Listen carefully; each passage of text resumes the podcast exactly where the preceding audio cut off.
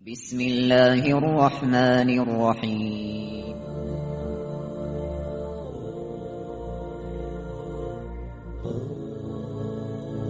الرحمن العزيز الرحيم القوي السلام الكريم العظيم البصير العليم الحكيم الجبار.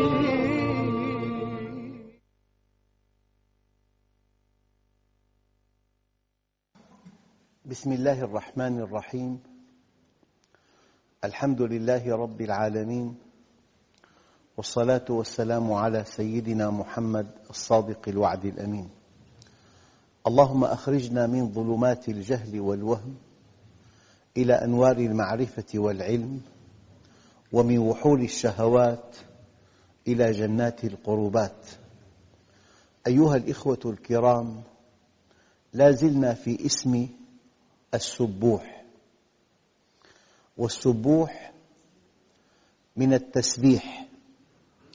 والتسبيح هو التعظيم والتنزيه. ومعنى السبوح هو الذي يعظم كثيرا وينزه كثيرا. قال تعالى فأما من أوتي كتابه بيمينه. فيقول هاؤم اقرءوا كتابي. إني ظننت أي أيقنت أني ملاق حسابيه فهو في عيشة راضية في جنة عالية قطوفها دانية. كلوا واشربوا هنيئا بما أسلفتم في الأيام الخالية. وأما من أوتي كتابه بشماله فيقول يا ليتني لم أوت كتابيه ولم أدر ما حسابيه يا ليتها كانت القاضية ما أغنى عني ماليه هلك عني سلطانيه. خذوه فغلوه ثم الجحيم صلوه ثم في سلسلة ذرعها سبعون ذراعا فاسلكوه. لماذا؟ قال إنه كان لا يؤمن بالله العظيم. بالله العظيم آمن بالله لكنه ما آمن بالله العظيم. بل إن الذين يعبدون الأصنام يقولون ما نعبدهم إلا ليقربونا إلى الله زلفى. ليست المشكلة أن تؤمن بالله إبليس من الذين آمنوا بالله. قال ربي فبعزتك. قال أنظرني إلى يوم يبعثون. قال خلقتني من نار وخلقته من طين. ليست المشكلة أن تؤمن بالله. ما من أهل الأرض إلا قلة قليلة جدا ممن عطلت عقولها إلا وتؤمن بالله. وما يؤمن أكثرهم بالله إلا وهم مشركون. لذلك أيها الأخوة إنه كان لا يؤمن بالله العظيم. بالله العظيم. العبرة أن تعظم الله أن تعظم أمره أن تعظم حرماته أن تعظم كتابه أن تعظم دينه إنه كان لا يؤمن بالله العظيم ولا يحض على طعام المسكين فليس له اليوم هاهنا حميم ولا طعام إلا من غسلين لا يأكله إلا الخاطئون. الآيات التي ورد فيها اسم الله العظيم تزيد عن مئة وعشرين آية. من هذه الآيات وهو رب العرش العظيم وهو العلي العظيم. ولقد آتيناك سبعا من المثاني والقرآن العظيم والله ذو الفضل العظيم. منحك نعمة الإيجاد منحك نعمة الإمداد منحك نعمة الهدى والرشاد. أنت مخلوق. هذا من فضل الله العظيم. أمدك الله بكل ما تحتاج. هذا من فضل الله العظيم. هداك إليه من خلال الوحي من خلال الأنبياء من خلال الآيات الكونية من خلال الآيات التكوينية من خلال التربية النفسية من خلال المصائب. واتقوا الله. لم لا تتقونه؟ ويعلمكم الله. أيام بيعلمك برؤية. أيام بيعلمك بمصيبة. أيام بيعلمك بضيق. أيام بيعلمك بنصيحة. أيام بيعلمك بدرس. أيام بيعلمك بتفسير. أيام بيعلمك بحدث.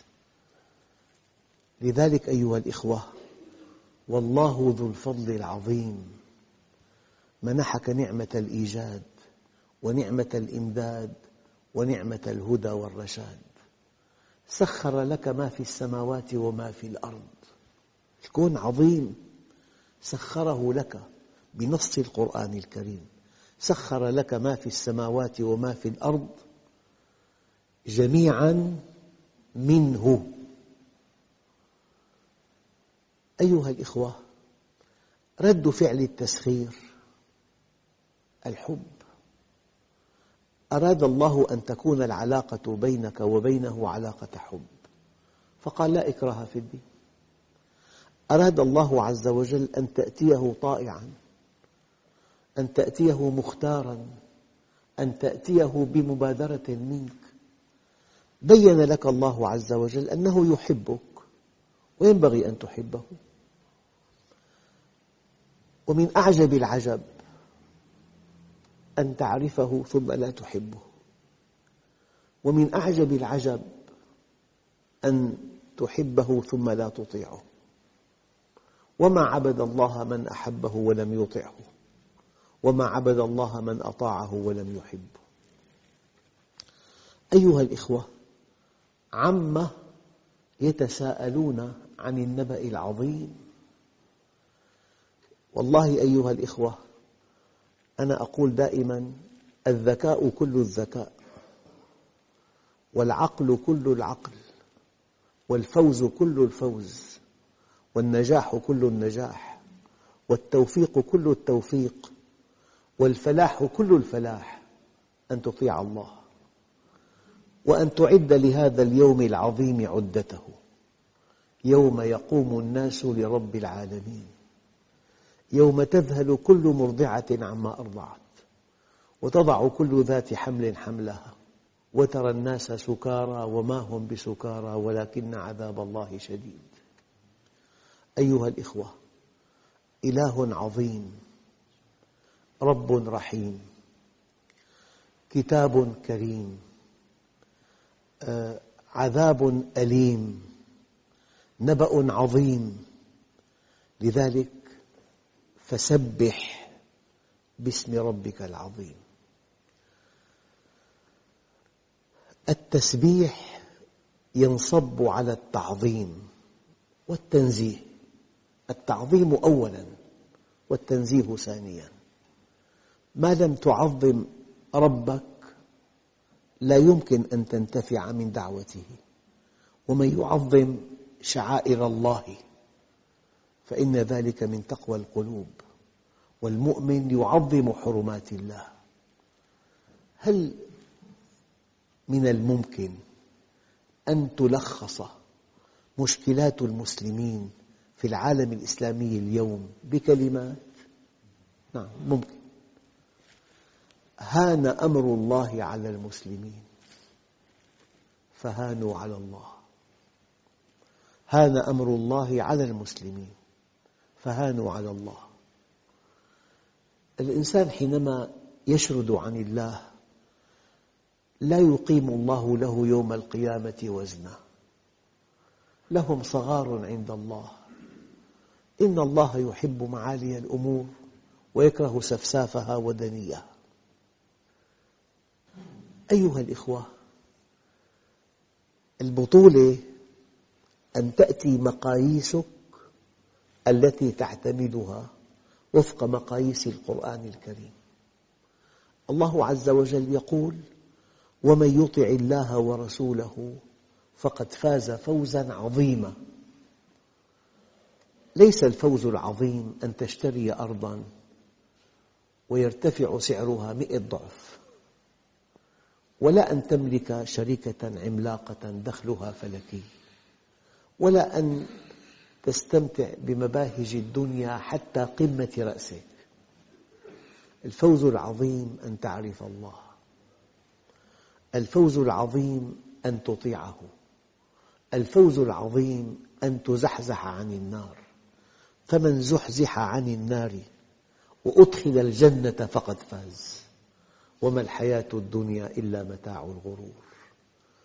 كل حجمك المالي وكل شأنك الاجتماعي وكل هيمنتك مبنية على شريانك التاجي كم قطره؟ فإذا ضاق هذا الشريان دخل الإنسان في متاعب كثيرة. كل هذا الحجم المالي والشأن الاجتماعي مبني على سيولة الدم. كل هذا الحجم المالي والشأن الاجتماعي مبني على نمو الخلايا. فإذا نمت نموا عشوائيا انتهت حياة الإنسان. الإنسان يموت بثانية. بثانية يكون شخصا فإذا هو خبر يكون إنسان ذو شأن عظيم يصبح بضاعة في صندوق. أيها الإخوة الكرام يعني لا زلنا في موضوع السبوح. والسبوح من التسبيح والتسبيح هو التعظيم. والبطولة أن تعظم ما ينبغي أن يعظم وأن تحتقر ما ينبغي أن يحتقر. البطولة أن تكبر ما ينبغي أن يكون كبيراً والبطولة أن تصغر ما ينبغي أن يكون صغيراً. الإنسان العظيم يتمتع بقلب كبير. يتضاءل أمامه كل كبير. بينما الإنسان إذا شرد عن الله عز وجل وغفل عنه له قلب صغير. هذا القلب الصغير يصغر أمام كل صغير. بين أن يصغر كل كبير أمامك وبين أن يكبر كل صغير أمامك. فرق كبير. أيها الإخوة في القرآن الكريم ومن أحسن قولاً ممن دعا إلى الله وعمل صالحاً وقال إنني من المسلمين. ولا تستوي الحسنة ولا السيئة ادفع بالتي هي أحسن فإذا الذي بينك وبينه عداوة كأنه ولي حميم. وما يلقاها إلا الذين صبروا. الآن دقق. وما يلقاها إلا ذو حظ عظيم.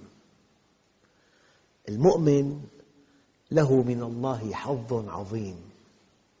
اشتق من كماله. اشتق من رحمته. اشتق من عدله. اشتق من حبه. اشتق من لطفه. اشتق من غناه المؤمن غني. بالله. قوي بالله. عزيز بالله. المؤمن شخصية فذة. نصيبك من الله عظيم فكنت عفيفا. نصيبك من الله عظيم فكنت منصفا. نصيبك من الله عظيم فكنت عفوا. نصيبك من الله عظيم فكنت متواضعا. نصيبك من الله عظيم فكنت رحيما. بماذا مدح النبي عليه الصلاة والسلام؟ آتاه القرآن آتاه الوحي آتاه المعجزات آتاه البيان آتاه الفصاحة آتاه الجمال آتاه الحكمة آتاه القيادة. آتاه أنه لا ينسى. سنقرئك فلا تنسى. مدح بخلقه العظيم. لذلك هذه الآية أيها الإخوة ومن أحسن قولا ممن دعا إلى الله وعمل صالحا وقال إنني من المسلمين ولا تستوي الحسنة ولا السيئة ادفع بالتي هي أحسن فإذا الذي بينك وبينه عداوة كأنه ولي حميم وما يلقاها إلا الذين صبروا. وما يلقاها إلا ذو حظ عظيم الحظ هو النصيب أنت بقدر ما تشتق من الله من معرفة وكمال تكون ذا شأن عظيم بين أقرانك. الآن والله عنده أجر عظيم. الإنسان إن لم يعرف الله لا يتحرك بلا أجر لا ينطق بكلمة بلا تعويض. هذا المادي إذا رأيت شحا مطاعا وهوى متبعا وإعجاب كل ذي رأي برأيه من علامات آخر الزمان. شح مطاع مادية مقيتة هوى متبع الجنس. آه، إعجاب كل ذي رأي برأيه الكبر. كل واحد يرى نفسه محور العالم. لذلك أيها الإخوة والله عنده أجر عظيم. وإنك لعلى خلق عظيم. لكن أريد أن أقف وقفة متأنية أنت أمام طفل عقب العيد زرت أهله فقال لك بحضرة أبيه أنا معي مبلغ عظيم. ببلدنا. والأب مدرس. يعني مبلغ عظيم. كلمة عظيم إذا قالها طفل أنا بقدرها مئتي ليرة. لو أنه مسؤول كبير بدولة عظمى تزمع أن تشن حربا كبيرة على بلد نفطي. فقال المسؤول الكبير أعددنا لهذه الحرب مبلغا عظيما. الطفل قال عظيم قدرناها مئتي ليرة. أما هذا المسؤول الكبير قال أعددنا لحرب لهذه الحرب مبلغا عظيما من قدر 200 مليار دولار. 200 مليار. الرقم قفز من 200 ليرة إلى 200 مليار. من 200 ليرة سورية إلى 200 مليار دولار أمريكي.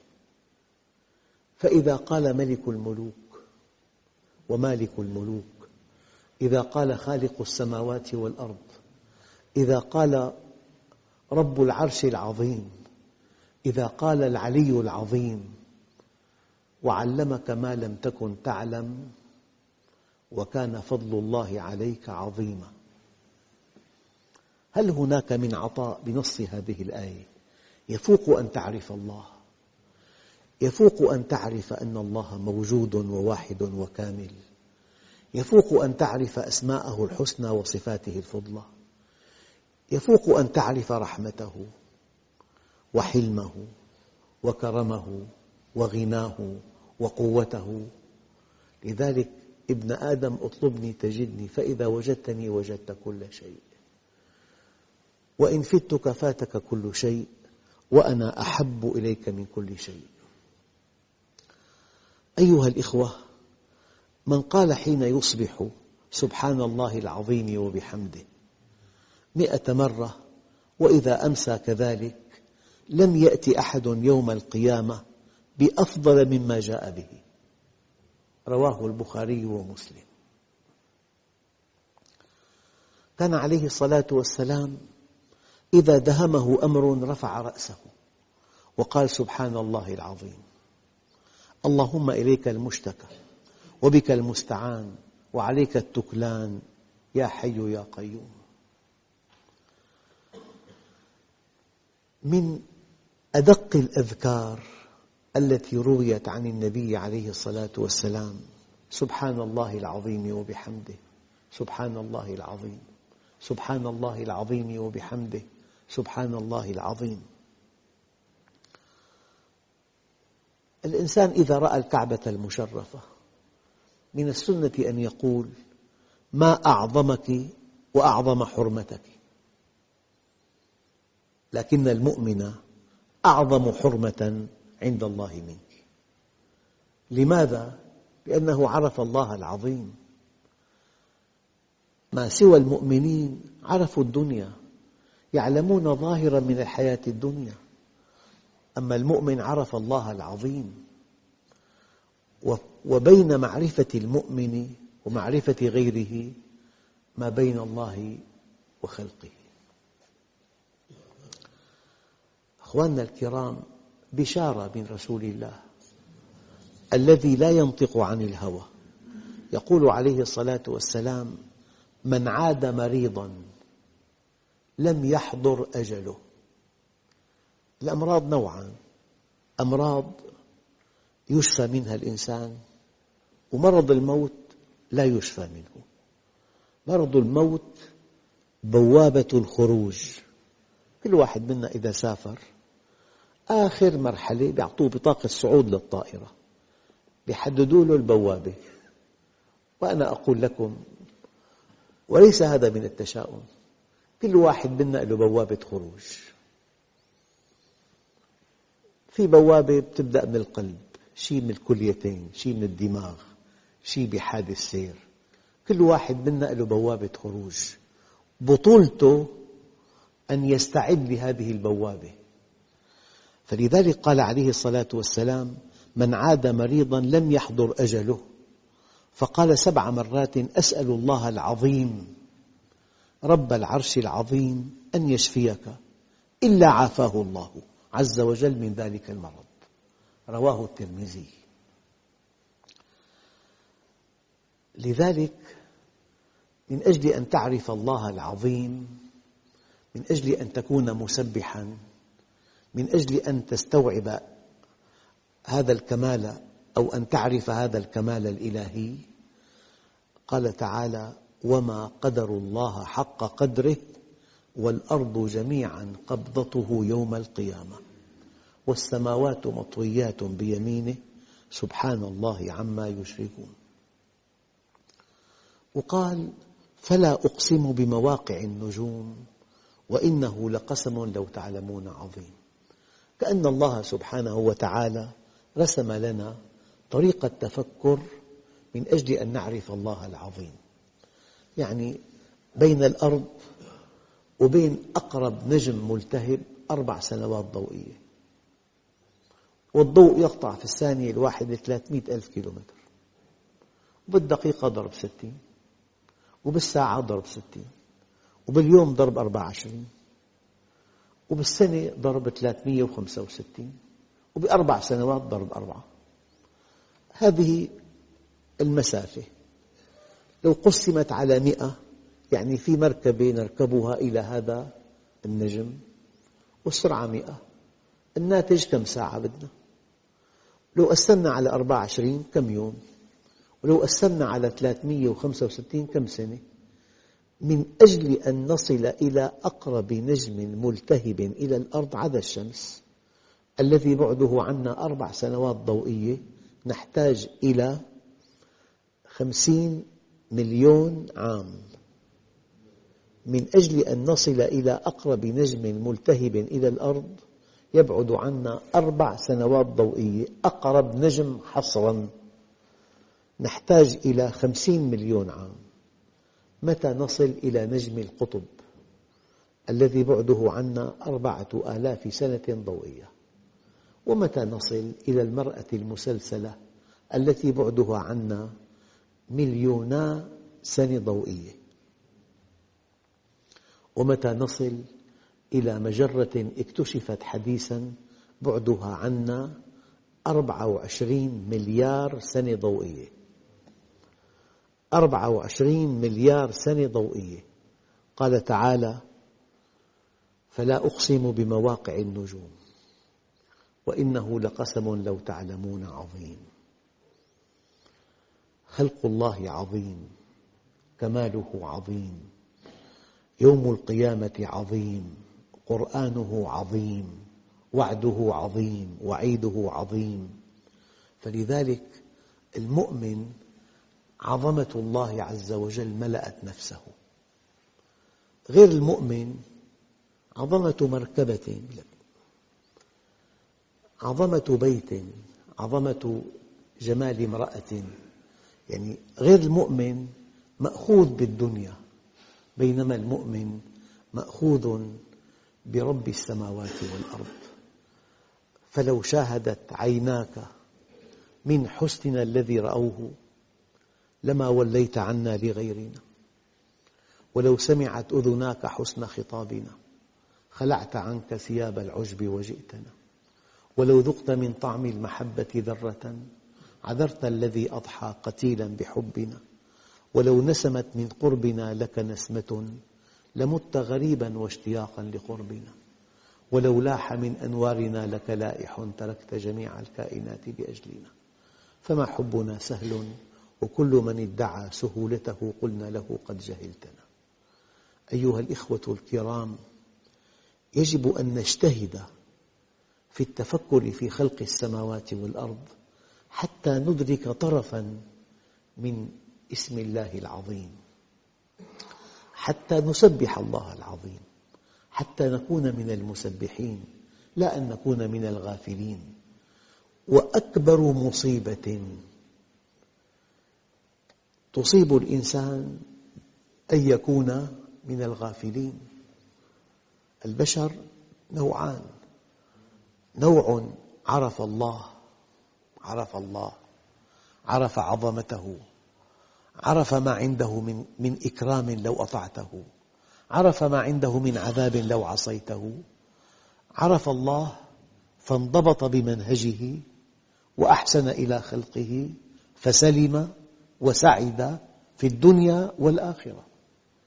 وإنسان آخر غفل عن الله وتفلت من منهجه وأساء إلى خلقه فهلك وشقي في الدنيا والآخرة.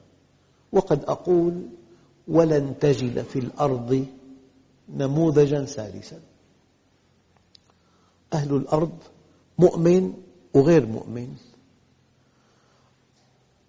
هناك من عرف العظيم وهناك من لم يعرفه. هناك من اتصل بالعظيم فسعد هناك من لم يتصل به. فكيف بمن يحارب عباد الله؟ كيف بمن يحارب دينه؟ كيف بمن يضع نفسه في خندق مضاد للدين؟ هؤلاء أشقى البشر الذين وضعوا أنفسهم في خندق معاد للدين. الذين نصروا هذا الدين أين هم؟ في أعلى عليين. أسماؤهم في لوحات الشرف في التاريخ البشري. وهؤلاء الذين حاربوا الدين أين هم؟ في مزبلة التاريخ. في أسفل سافلين. والإنسان إما أن يكون فوق الملائكة وإما أن يكون أدنى من أحقر حيوان في الأرض. إن الذين آمنوا وعملوا الصالحات أولئك هم خير البرية. إن الذين كفروا في نهاية الآية أولئك هم شر البرية. والحمد لله رب العالمين. بسم الله الرحمن الرحيم. الحمد لله رب العالمين والصلاة والسلام على سيدنا محمد الصادق الوعد الأمين. اللهم أعطنا ولا تحرمنا أكرمنا ولا تهنا آثرنا ولا تؤثر علينا أرضنا وارض عنا. وصلى الله على سيدنا محمد النبي الأمي وعلى آله وصحبه وسلم والحمد لله رب العالمين الفاتحة